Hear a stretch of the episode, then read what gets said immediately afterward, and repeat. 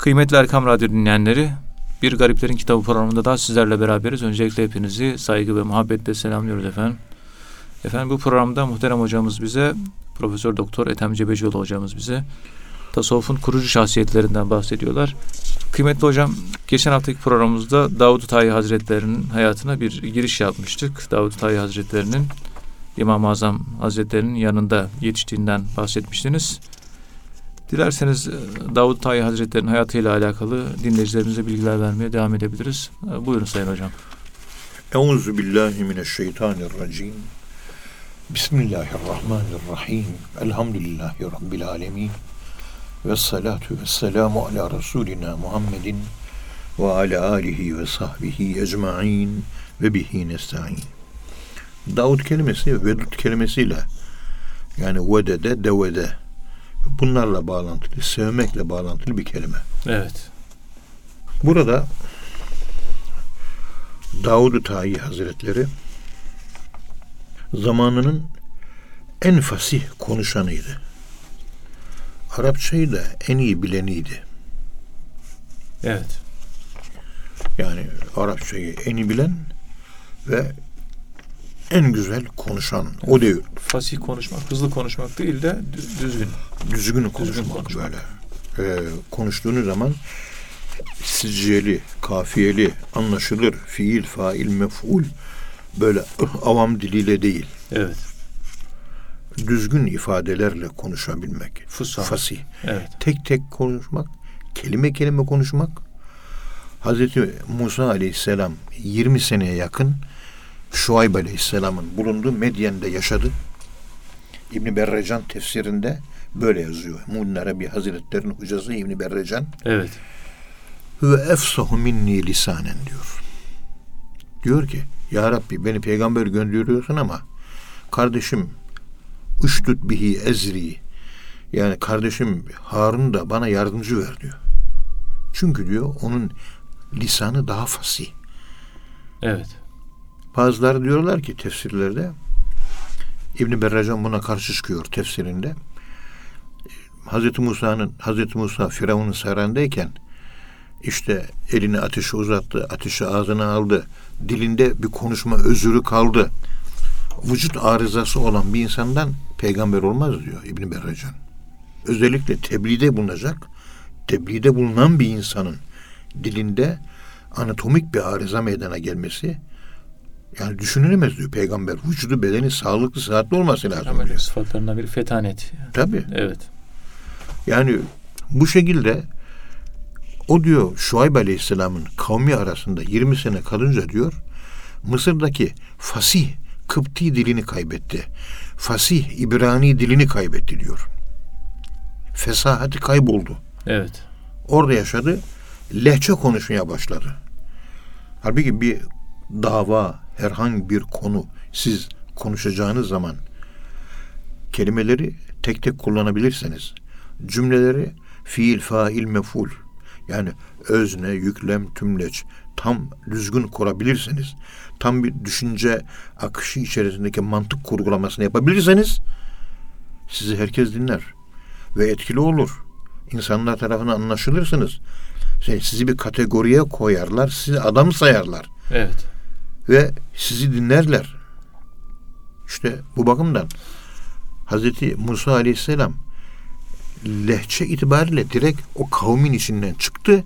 Gelir gelmez peygamberliğe başlayacak ama lehçe, saf lehçeyi kaybetti diyor orada buluna buluna.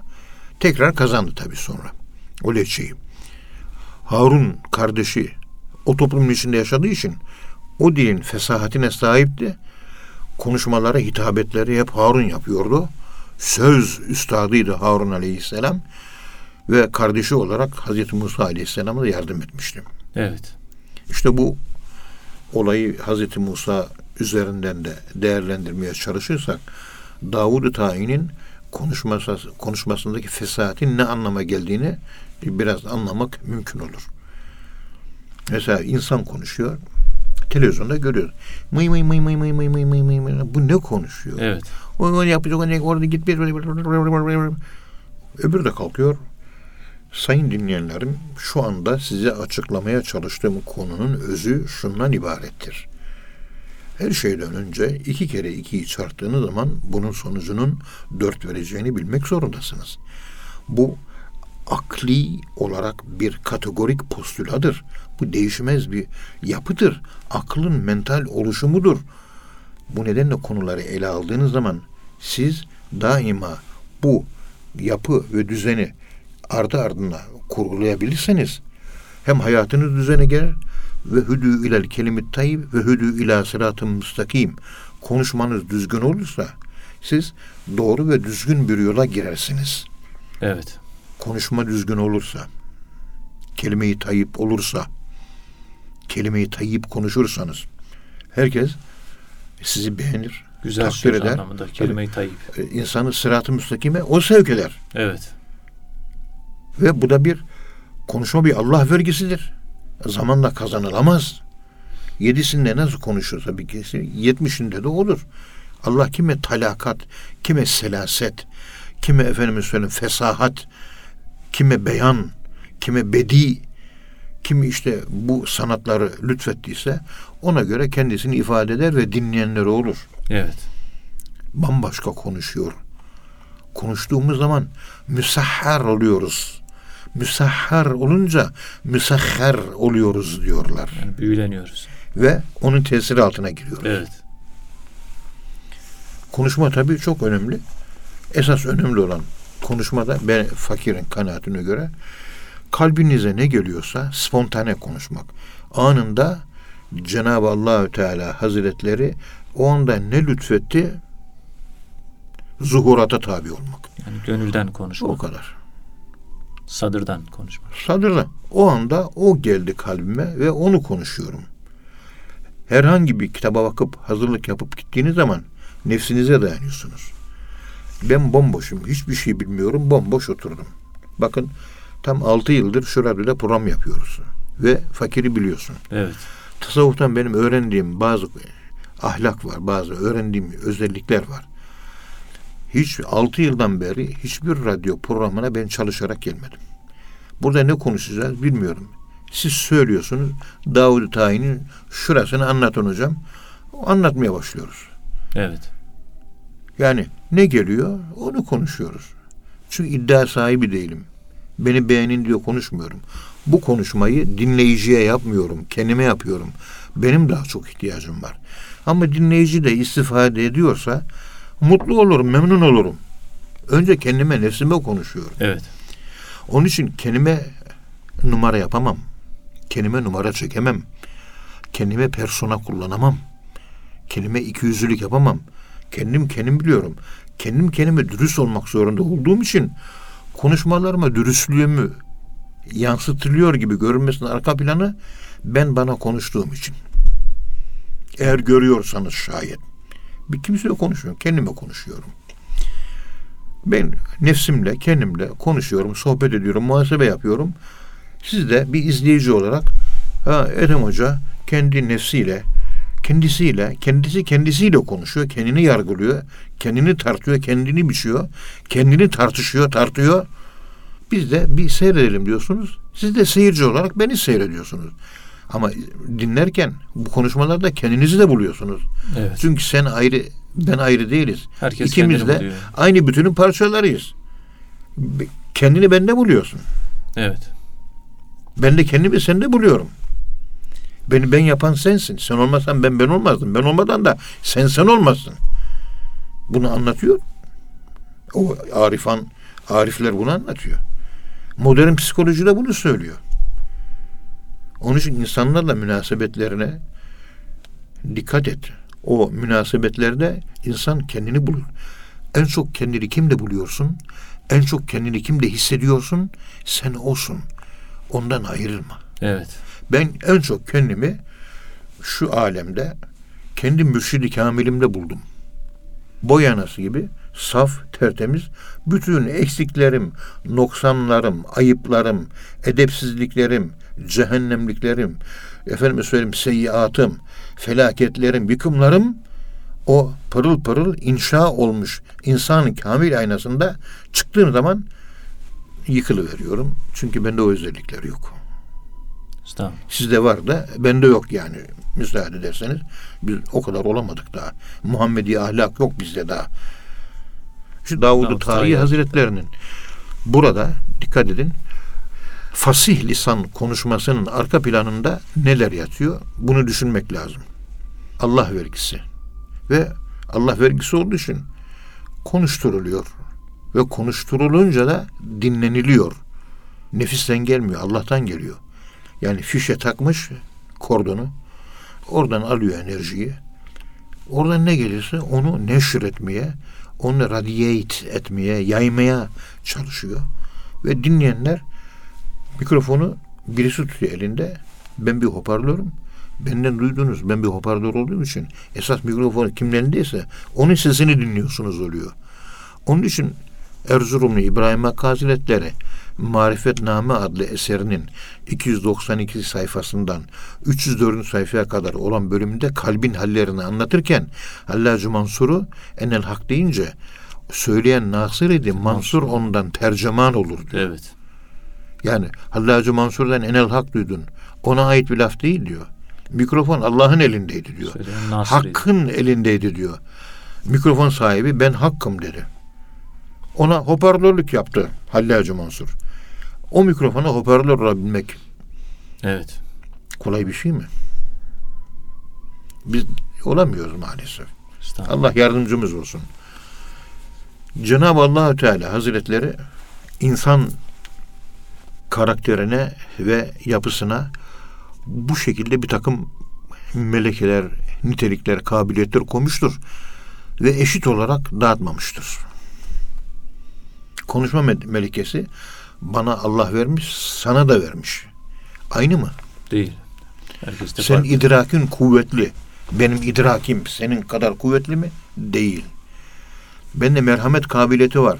Sende de var. Seninki benim gibi değil. Sende cömertlik var.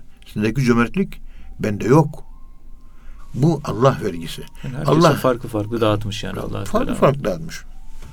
İşte bu fesahat meselesinde de o böyle güzel konuşma, kaliteli konuşma, cümlelerin, kelimelerin teker teker kullanma, yanlışsız konuşma. Fesahatte gramatikal hata yoktur. Evet. Gramatikal hata varsa ona fasih konuşma denmez. Orada rahmetli Hasan Dayhan abinin e, Ahmet Ahmet Dayhan abi Allah rahmet eylesin. Allah rahmet eylesin. 1986 vefat etti. Büyük Allah dostu. Hazreti Hatice annemizin mezarının hemen yanı başında mezarı var. Yani hayatını arkadaşlar anlattılar. Onları da yazıya döktük. Şimdi anlatanların bir kısmı bakıyorsunuz çok güzel anlatıyor. Evet. Mesela e, Ahmet Tahir kardeş e, çok güzel konuşmuş. Çok fasih konuşmuş. Baktım konuşmasında hiçbir hata yok. Evet. Öğretim üyesi. Hadisçi. Allah bin kere razı olsun. O kadar çok istifade ettim. Neler yazmış, neler yazmış. Öğrenmediğim ve bilmediğim bazı şeyler var. Onun o konuşmasından epey bir şeyler aldım. Ama bazıları da konuşuyor. Bir tane olay anlatacak. Biz diyor evine gittik diyor. Şu Alsancak'taydı ya diyor. Ömer'in evinin yanındaydı ya diyor. Ondan sonra diyor biz o sene hadi o kömür de almıştık diyor. Ya bir ra- rahmetli Hasan Dayhan Ahmet Dayhan amcanın evine gitmiş mübarek zat. Kuddise Sürül Aziz Hazretleri'nin. Orada bir kahvaltı yapmış. Evet. Onu anlatacak. Bir Ömer'i anlatıyor, bir Kadife Kale'yi anlatıyor, bir onu anlatıyor. Esas konu kayboluyor. Nerede? Bu ne yapmış? Ha, mübarek zat balığı her sabah e, gelen misafirlere balık ikram edilirmiş. Evet. Niye? Biz balığı akşam yiyoruz. Hayır, balık sabah yenilir. Bugün gastrocular dahi yani o yemek uzmanı dediğimiz e, insanlar var. Lokantacılar, Evet. et. Onlara ne diyoruz? Bir özel adı var. Gurme. Gurme. Gurmeler. Balığın sabah yenileceğini gurmeler dahi bilmiyor. Ama Ahmet Dayhan Efendi e, arif olduğu için balığın sabah yenileceğinin farkında. Niye? Balıkta fosfor var. Evet. Sen sabahleyin balık yiyeceksin. Fosfor akıllı çalıştıracak. Bu akıl gündüz sana lazım. Akşamleyin balığı yiyor, iki saat sonra yatağa giriyor. Uykuda o fosforun aklına senin ne faydası olacak? Sabah yiyeceksin o fosfor maddesi. Gündüz lazım. Haftada en az birkaç Ve orada diyorlar. kalsiyum var. Kalsiyum kalbi faaliyet için, hareket için yardımcıdır. Kalsiyum ona yarıyor. Sabah yenecek. Evet. evet. Ve akşamleyin zaten et yemeğe yenmez. Sadece sebze yenilir. Musa Topbaş Efendimiz mübarek işte akşam çok az bir çorba ve hatta bir meyveyle geçiştirirdi. Doğrusu odur. Biz bunları yapamıyoruz. Bak sabahleyin balık yenileceğinin arka planına bakın. Çünkü akıl dışı oluyor. Gündüz dünyayı yaşıyoruz. Dü- Dünyayı biz aklımızla yaşıyoruz. Geceleyin fosfora ihtiyaç yok. Geceleyin Allah'ı kalbimizle yaşıyoruz. Evet. Dikkat. Halvet tarikatında balık yemek mahsurludur. İnsanı akılcı yapar. Balık yenmez halvet tarikatının bazı kollarında. Evet. Bu yüzden Ahmet Bican Envarul Aşık'ini yazdığı zaman İstanbul Belediye Başkanı işte Hızır Efendi ona yazdığı kitabı yolluyor. O da okumuş beğenmiş. Diyor Gelibolu'da yaşıyor diyor. Deniz kıyısı orada balık yememiş mi diyor. Balık yiyen insan böyle bir kitap yazamaz diyor. Kalpten gelmiş, akıldan gelmiş değil bu eser diyor. Ve mektup yazmış. Deniz kıyısında acaba çavuşa veriyor. Götür mektubu diyor. İstanbul İlk Belediye Başkanı Hızır Bey. Evet. Getiriyor. Bakıyor okuyor ki Ahmet Bican Efendi deniz kıyısında acaba ha, cevap yazıyor altına. Kat'an ebeda. Yani. Asla. hiç balık Deniz kıyısında hiç balık yedin mi diyor soruyor Evet. aslında ama Hmm. balık falan yok. Deniz kıyısında yaşıyorsun. Balık da yiyorsun. Balık yediğin için de böyle bir eser yazamazsın sen. Akıl mahsulü olması lazım. Bu kalp mahsulü. O zaman denizden çıkan ürünleri sen acaba yiyor musun? Böyle bir eser meydana geldiğine göre şüpheye düşmüş. Evet. O da hiç balık yemiyorum diyor. Kalp seziş kuvvetli olur. Balık yiyenlerde kalp sezişi zayıf olur. Akıl bir, kuvvetli oluyor. bir konuşmamızda fırsat olursa İnşallah hocam. dikkat edin. Eğer bir fırsat olursa bu balık konusunu gündeme getireceğim. Niye? Hazreti İsa Aleyhisselam'a gökten balık indi. Evet. Hazreti Musa Aleyhisselam da helva indi, tatlı et indi. Niye balık iniyor? Kalpçi. Akılcılık lazım. Gökten maide minesa balık inmiştir. Yani fosfor, akıl çalışacak. Aşk, aşk, aşk, merhamet, merhamet, hep kalp, kalp. Balıkla dengeye geliyor. Öbürü de kanun, Tevrat, Tora, akıl, Akıl nizam, zaten kuvvetli. da nizam, düzen. O da e, şey e, baldan yapılmış men helvası iniyor gökten. Bak kime ne lazım onu. Hazreti İsa'ya acı iniyor. Ekşi iniyor Hazreti İsa'ya. Hazreti Musa'ya tatlı iniyor. Abdülkadir Geylani Bunyatü Taliben adlı eserinde okuduk. O da Evet, fakülte evet. odamızda. Evet. Bunları bu balık meselesini bir fırsat olsa da İnşallah. e, tekrar bir anlatabilirsek. Çünkü şu bulunduğumuz muhit, İstanbul muhiti balığıyla da meşhur. Yani gelip gidiyoruz bir balık da yemek nasip olmuyor gerçi ama pek İnşallah balığa olur. da Hmm. e, balığa da düşkünlüğümüz yok elhamdülillah. Zaten kefeni koklayan bir insanın yemekle alakası kalmıyor vahiyçiyim. Her gün teheccüd namazlarında kefenimizi koklaya koklaya zikrimizi çekiyoruz. Ne yemeklerin tadı kaldı, ne çorbanın tuzu kaldı, ne acı kaldı, ne tatlı kaldı. Dünya tatsız, tutsuz, tıpkı ölünün ağzına yemek verdiğiniz zaman ölü herhangi bir tat, tuz almıyor ya, onun gibi bir şey oluyor. Yeseniz de oluyor, yemeseniz de oluyor. En çok sevdiğim şey bir tane ekmek, bir tane peynir, yanına bir domates var mı? Dü- Dünyanın en güzel yemeği o. Ve de bir peynir, bir tane ekmek. Dünyanın en güzel yemeği o. Zeytin, bir dilim ekmek. Bitti. Ondan daha güzel yok. O mükellef sofralar artık cezbetmiyor. Bitti. Sofra, mofra, o gastronomik zevkler bunların hepsi bitti. Hiçbir şey kalmadı. Evet. Evet Hamdolsun hocam. Allah'a. Allah razı olsun hocam. Evet kıymetli dinleyenler Programımızın birinci bölümünün sonuna geldik. İkinci bölümde tekrar birlikte olacağız inşallah. Efendim şimdi kısa bir ara. huzur bulacağınız ve huzurla dinleyeceğiniz bir frekans. Erkam Radyo, Kalbin Sesi. Kıymetli Erkam Radyo dinleyenleri programımızın ikinci bölümünde tekrar birlikteyiz.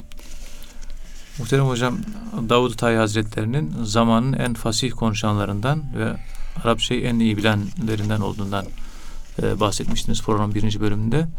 Yine buradan devam edebiliriz kıymetli hocam. Yani Davud Tay Hazretlerinin diğer özellikleri nelerdir? Dilerseniz kaldığımız yerden devam edebiliriz. Buyurun efendim. Euzu billahi mineşşeytanirracim. Bismillahirrahmanirrahim. Elhamdülillahi rabbil alamin. Ve salatu ve selamu ala Resulina Muhammedin ve ala alihi ve sahbihi ecmain ve bihi nesta'in.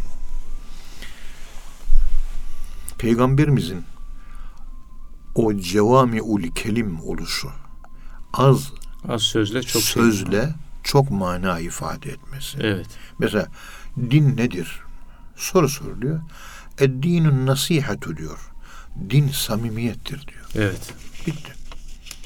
İçtenlik, ikiyüzlülük kabul etmez. İçi başka dışı başka. Din bunu kabul etmez. Burada böyle davranacaksın. Şurada şöyle, burada böyle. Persona kullanacaksın. Münafık olacaksın. Allah bunu kabul etmez. İçten. Neysen olsun o kadar ya. Olduğun gibi görün, göründüğün gibi ol. Evet. Mevlana bunu çok güzel anlatmış.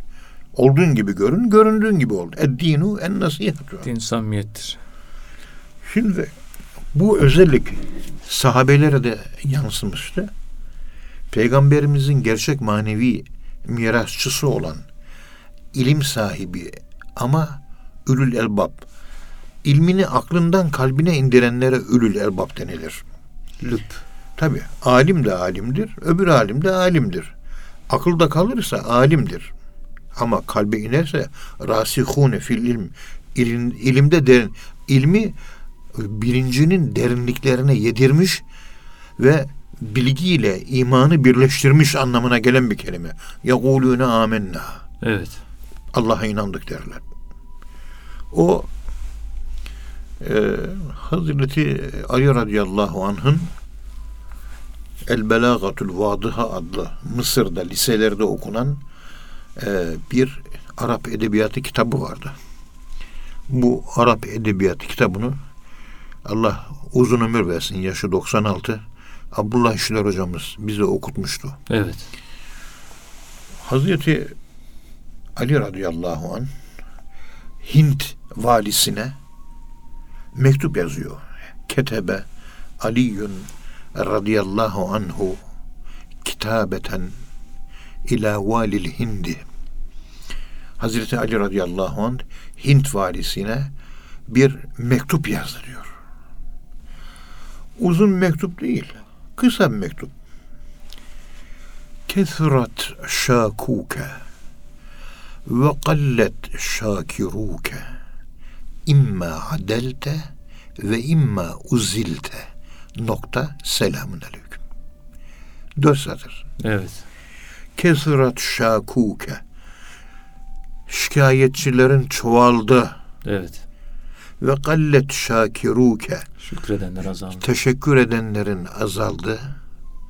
İmma adelte ya adaletli olur kendini doğrultursun ve imma uzilte yahut da seni görevden Seni alırım diyor. Evet. Bu kadar. Biz böyle bir valiyi tayin etmek için, bir bakan tayini için o kadar çok sirküler hazırlanıyor ki sayfa sayfa dolusu böyle imza imza imza imza. İşte eskiden laf bilenler iki kelimeyle düzen, düzen sağlıyordu. Düzen sağlam oluyordu. Evet. Sayfalar çoğaldıkça, sirküler çoğaldıkça o düzen kayboluyor Az, maalesef. söz, az sözle çok şey ifade etmiş yani. İşte bu. Bak Hazreti Ali radıyallahu anh Efendimizin Hint valisine yazdığı mektup. Okuduğum şöyle düşün. Kur'an hep bunlarla dolu. Evet. Ben hala onu düşünüyorum. Allahü Teala Hazretleri Hazreti Musa ile konuşuyor değil mi? İlk cümlesine ve ma tilke bi yeminike ya Musa. Ey Musa bu elinde tuttuğun şeyin mahiyeti nedir diye mahiyetini soruyor. Evet. Ma.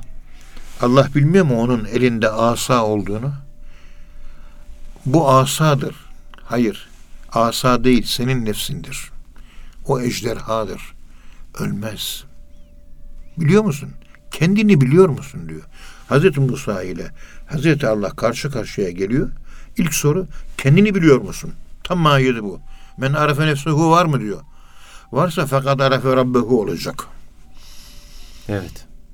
İşin içinde çok işler var. O mesela Hızır Aleyhisselam kudret aleminde yaşar. Hazreti Musa hikmet aleminde yaşıyor. Burada neden, niçin, sebeplilik, kuzalite, nedensellik var burada. Ahirette bunlar yok. Yemek istiyorsun, kebap hazır geliyor. Burada kebap istiyorsan mutlaka bir Sebeplere yapışmak Ee, lazım. resim devlet dairesinde çalışacaksın. Profesörlük yapacaksın vahiyciğim. Gideceksin ay başında maaş alacaksın. Doğruca kasaba gideceksin. Çok güzel bir kebaplık bir şeyler hazırlayacaksın. Bahçeye geleceksin. Kardeşlerini toplayacaksın. Torunu tozunu toplayacaksın. Mangalı yakacaksın. Üzerinde kebap yapacaksın. Yiyeceksin. Bak bir kebap istedi canın. Ta nerelerden, hangi dağlardan, hangi derelerden, hangi tepelerden sular taşıdın getirdin. Hızır, Ya, Hızır Aleyhisselam öyle değil. Ya Rab yemek diyor, hemen kebap geliveriyor. Ve dikkat edin. Biri kudret aleminde yaşıyor. Orada hikmet yok. Kudret artık var. Demek ki hikmetten sonra kudret geliyor. Niçinleri, soruları bıraktığınız zaman kudret aleminde yaşamaya başlıyorsunuz. Kardeşin öldü. Ya Rabbi gençti. Niye öldü? Bu soruyu terk edersen kudret aleminden sana nasip verilir. Sorgulamaya başladığın an itibaren ne, niçin, nasıl falan olay bitiyor.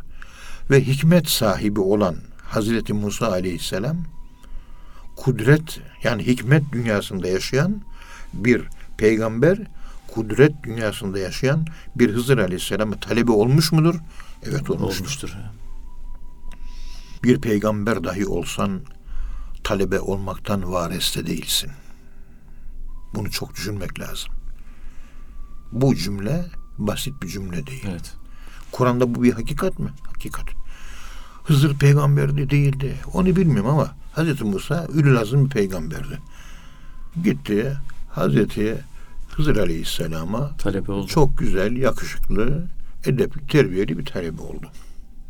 Öğreneceği şey de ilmi ledündü. Onu bilmiyordu çünkü. Peygamberde o ilmi ledün verilmemişti. İyi hatırlarım. Burada rahmetli Sami Efendi Hazretleri muktedir bir şeyh efendiydi. Bazı konular için bilmesi lazım, biliyor aslında. Ladikli Ahmet'e gidin de bir sorun diyor. Ladikli Ahmet'e gidin Evet. sorun diyor. Yani Medine'ye gidecek, bilmem ne olacak. Kendisi bilmesi lazım. Biliyor bana göre. Ama bir Ladikli Ahmet Ağa'da bir onay. İşte bir olay oluyor da Ömer Kirazoğlu abimiz muhterem Allah rahmet eylesin. Büyük bir Allah dostuydu o da damadı. Yani Sami Efendi Hazretleri halledecek. Ve gidiyor Ağa'ya konuşuyor, sohbet ediyor. Hallolmuştur. İşte bu da mühürü diyor, basıyor mühürü.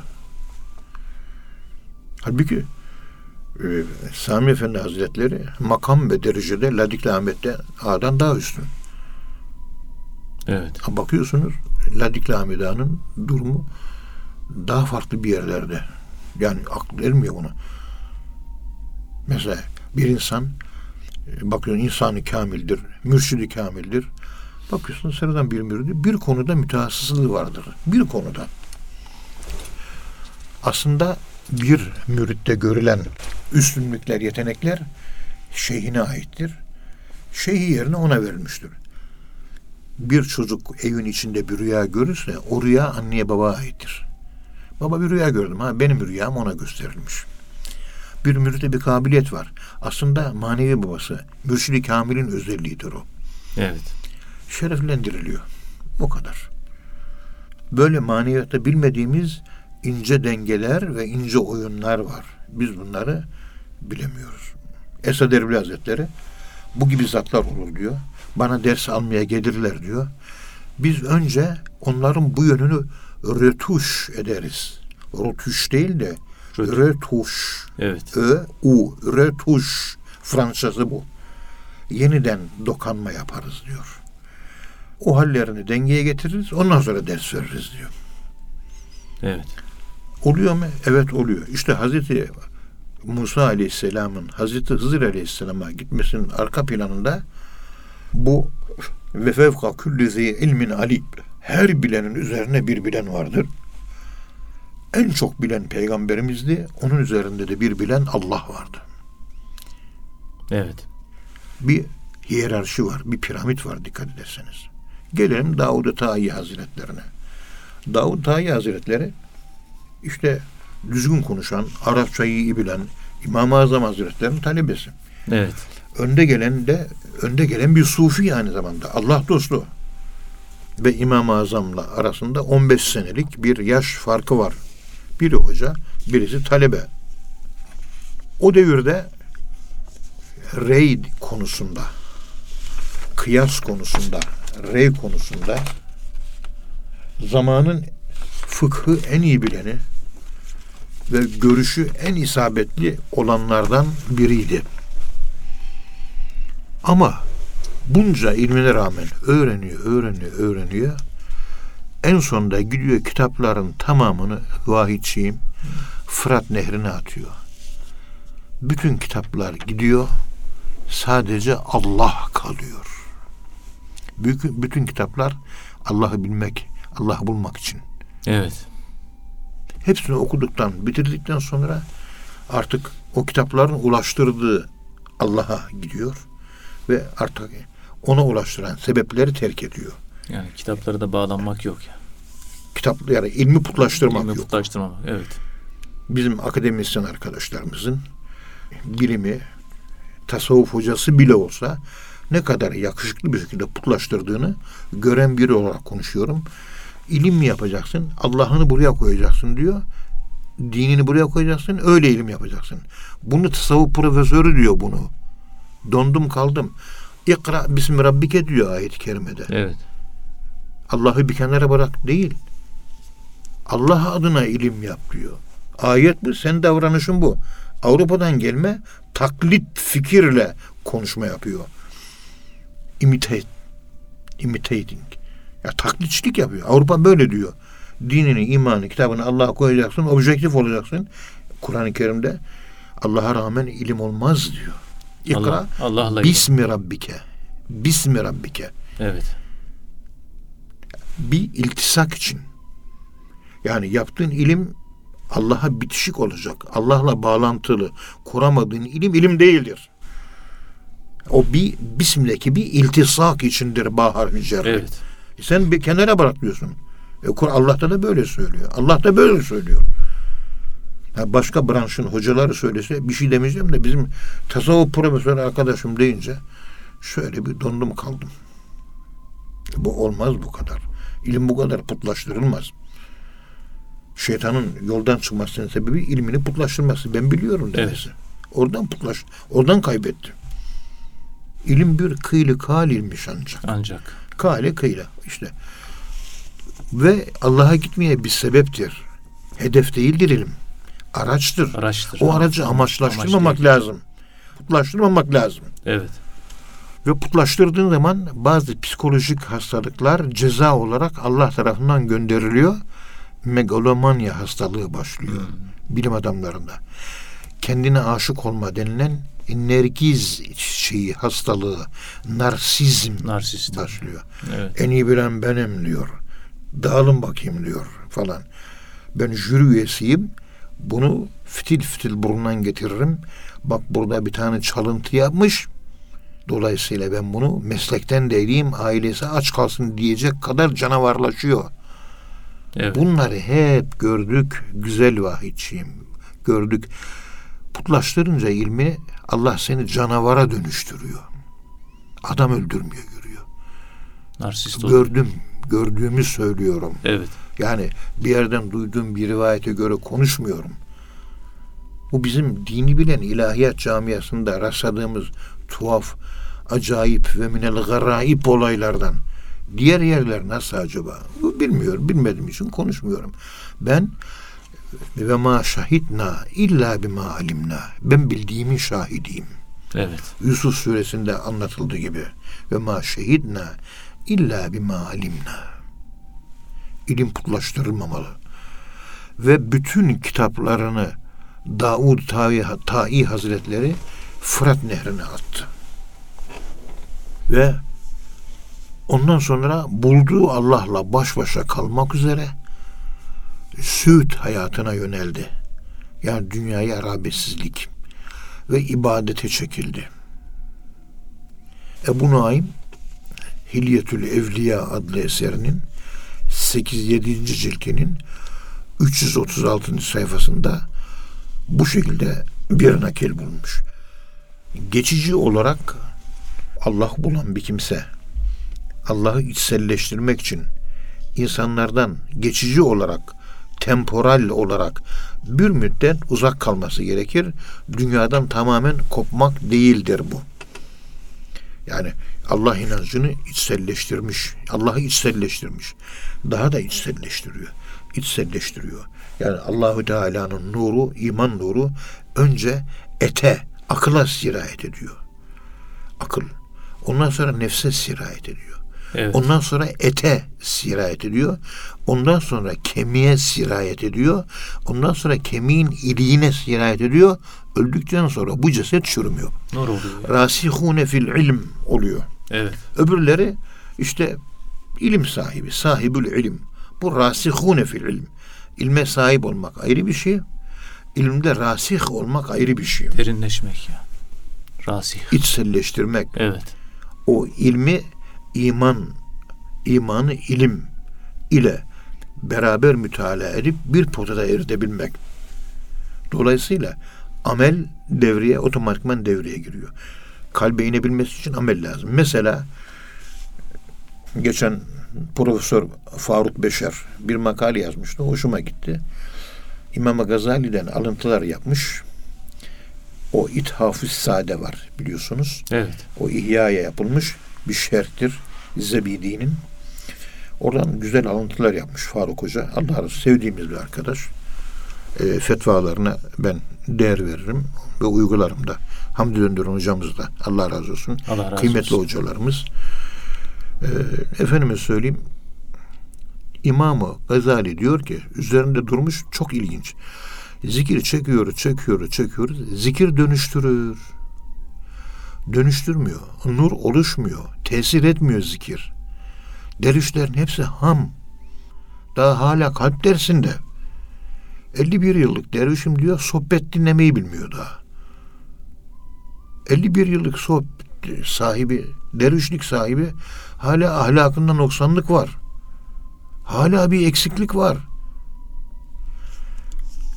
Daha zikrin nuru ne akla girmiş, ne efendime söyleyeyim ete girmiş, ne kemiğe, ne de kemiğin içindeki iliğe girmiş. Girdiği yok. Bir insan dini fetva üzere değil, ruhsat üzere değil, takva üzere yaşayarak zikre devam ederse o zaman zikrin nuru akla, ondan sonra nefse, nefisten sonra ete, etten sonra kemiklere, kemiklerden sonra kemiğin özüne girer. Tepeden tırnağa silme nur olur. Nuru da mezarda kurtlar yemez. Ve çürümeden cesedi kalır. Daha aklımız nurlanmadı bizim. Aklın durmazsa aklın kalple birleşmesi. Evet. Bildiğine inanmak ve inandığını bilmekle alakalı konuşabileceğimiz uzun bir keyfiyetler manzumesi var burada. Ona girmiyor. Yaşadığı hayatta takva yok. Cebinde banka kartı taşıyor. Ya haram kardeşim. Ondan sonra zikir çekiyor. Bin tane zikir çekiyor. Bir tane zikir çekmiş gibi etki yapıyor. Bir zikir etki eder ne kadar olgunlaştırırsa onu bir kefeye koyarsanız kalkıp da bin tane Allah diyorsunuz hepsi tesir ediyor. Onu da bir kefeye koyarsanız hangisi terazide olgunluğa sebep olur? Bin tane çekmiş olduğun hepsi de tesirli olan ama tesir etmesi için de günlük hayatını takvaya göre. Şimdi abdestimiz var değil mi? Abdest olmasına rağmen gideceğiz bir de abdest alacağız. Var. Takva bunu gerektiriyor. Nurun ala nur. Ondan sonra direkt namazın sünnetini kılalım mı? Yok iki rekat bir abdest şükür namazı kılalım. Ve abdest alırken de fazla su kullanmayalım. Takva onu gerektiriyor. Üç tane de inna enzelna okuyalım. Kolumuzu yıkayacağımız zaman yukarılara doğru ta omuza kadar çekelim. Melekler işte nurlanıyor diyor yani. Ayaklarımızı yıkarken ta dizimize kadar çekelim. Nurlanır. Abdest azalarından peygamberimiz bizi tanıyacak. Abdest alırken konuşmuyoruz. İşte sağ elimden amelimi ver diyor. Amel defterimi ver diyoruz. Gözümü haramdan koru diyoruz. Ağzımızdan kötüler çıkmasın diye ağzımızı yıkarken dua ediyoruz. Böyle böyle sükunetle, vakarla abdest alıyoruz. Peygamberimizin aldığı gibi e, 500 cc'lik bir suyla abdest alıyoruz. Yani küçük pet şişesindeki su kadarla abdest alıyor Peygamberimiz. Hadis-i şeriflerde böyle. 600-700 olursa olmaz. Suyun deriye değmesi önemli. Bir kir var da temizleme nezasetten taharet. Biz hadesten taharetle uğraşıyoruz. Manevi gözle görünmeyen pislik. Işıklardan dolayı şu lambanın ışığından, güneşin ışığından dolayı vücudun derisinin üzerine meydana gelen bir elektrisite vardır. Onun yok edilmesi. Evet. Su değdin mi topraklama oluyor ve gidiyor. Abdest bundan ibaret. Her vakit abdest alacaksın. Sami Efendi Hazretleri oturuyor Kabe'de. Ezan vakti geliyor. Hemen leğen getiriyorlar. Ayağında da zaten mes var. Hemen az bir suyla avucunu dolduruyor. Aşağı damlamıyor. Elini yıkıyor. Avucunu dolduruyor. Yüzünü, ağzını, kol 500 e, cc'lik suyla abdest söylüyor Sami Efendi Hazretleri. Peygamberimiz öyle aldığı için. Bu şekilde takvalı bir hayat yaşarsan, o takvalı hayatın üzerine zikir çekersen, o zikir aklını, nefsini, etini, ondan sonra kemiğini ve kemiğin iliğini nurlandırır ve çürümez hale gelirsiniz. Sami Efendi Hazretleri, evladım biz size bu dersleri bu hale gelip imanda saflaşıp nur haline dönüşüp mezarda cesedinizin çürümemesi için ders veriyoruz diyor. Yani kuvvetli bir imana sahip olmanız için zikir veriyorum. İmanın en kuvvetli hali bu. Kemiğin iliği. Evet. Var mı biz, bizde bunlar böyle bir bunlardan bir nasibimiz var mı? Yok. Ben bunları anlatıyorum. Anadolu'da ağzını açıyor, dinliyor. Dinlerken de sinek de kaçıyor. Ya Evet. ilk defa duyuyormuş gibi. Zikir çekiyor, haramla uğraşıyor. Zikir çekiyor, yediği haram, içtiği haram. Gözünden yaşlar gelir diyor. Hadis-i şerifte ağlar diyor hüngür hüngür. Bu sene umrede gördük. Adam hüngür hüngür ağlıyor. E, Bu hizmete getiremedim ben. Diyor peygamberimiz orada ağlıyorum diyor. Hizmete getiremiyor. Pakistanlı, Malezyalılarla ticaret yapmaya kalkıyor. O biliyorsun su uka- Ukas panayırı var. Evet. Sukul mecenne var. Yani cahiliye döneminde panayırlar, çarşılar kurulurdu. Kabe'nin içinde değildi hiçbirisi. Kabe'nin 10 kilometre, 15 kilometre dışındaydı. Niye ki Mekke'nin içinde değildi? Ticaret var ama içinde değil. Evet. O mikat mahallinin dışında yapılıyordu bunlar. Niye mikat mahallinin dışında kuruluyordu o panayırlar? Efendim ticaret de yapılır haçta diyor. Haçta ticaret de yapılır ama o mikat mahalli dışına çık. O mukaddes yere yani dünyevi şeylerle kirletme. Saf bir ruh haline gel. Ona dikkat et. Oranın da hakkını veremiyoruz. Maalesef. İşin içinde Evet. çok işte. Bak burada e, insanlardan tamamen uzaklaştı Davut Ağa'yı. Evet. Tabi uzaklaşacak. Uzaklaşmayıp da ne yapacak yani? O Jean-Paul Sartre meşhur egzistansiyalist Fransız diyor ki bu insan, bu toplum diyor, insanlar, avam tabakası diyor. Bunlar hastadır, tedavi olunmaz. Bunlar tedavi kabul etmez diyor. Evet. Bunlar tedavi kabul olmaz diyor. Mevlana Hazretleri de ondan ta 800 sene önce söylemiş. İnsanlar diyor avam tabakası kafanı içine sokarsan kurtaramazsın diyor. Mevlana'nın 800 sene önce söylediğini egzistansiyalist filozof Fransız Jean-Paul Sartre uyanış bir eser var. Tükeniş. Tükeniş. Tükeniş, adlı romanında anlatıyor. Bu avam tabakası mı? Bunların arasına katılma. Tedavi olmaz bunlar diyor. Mevlana Hazretleri de kafanı avamın arasına sokma diyor. Soktun mu kafanı insanların arasına bir daha da çıkaramazsın diyor. İşte ben de fakir şu dönemlerde artık ölümüm yaklaştığı için ben de uzaklaşmaya başladım. Yavaş yavaş çekileceğim, kaybolacağım. Yani yok olacağım. Evet, evet. Allah razı olsun hocam. Evet kıymetli dinleyenler bir program daha sonuna geldik. Bir sonraki programda tekrar buluşmak ümidiyle hepinizi Allah'a emanet ediyoruz. Hoşçakalın efendim.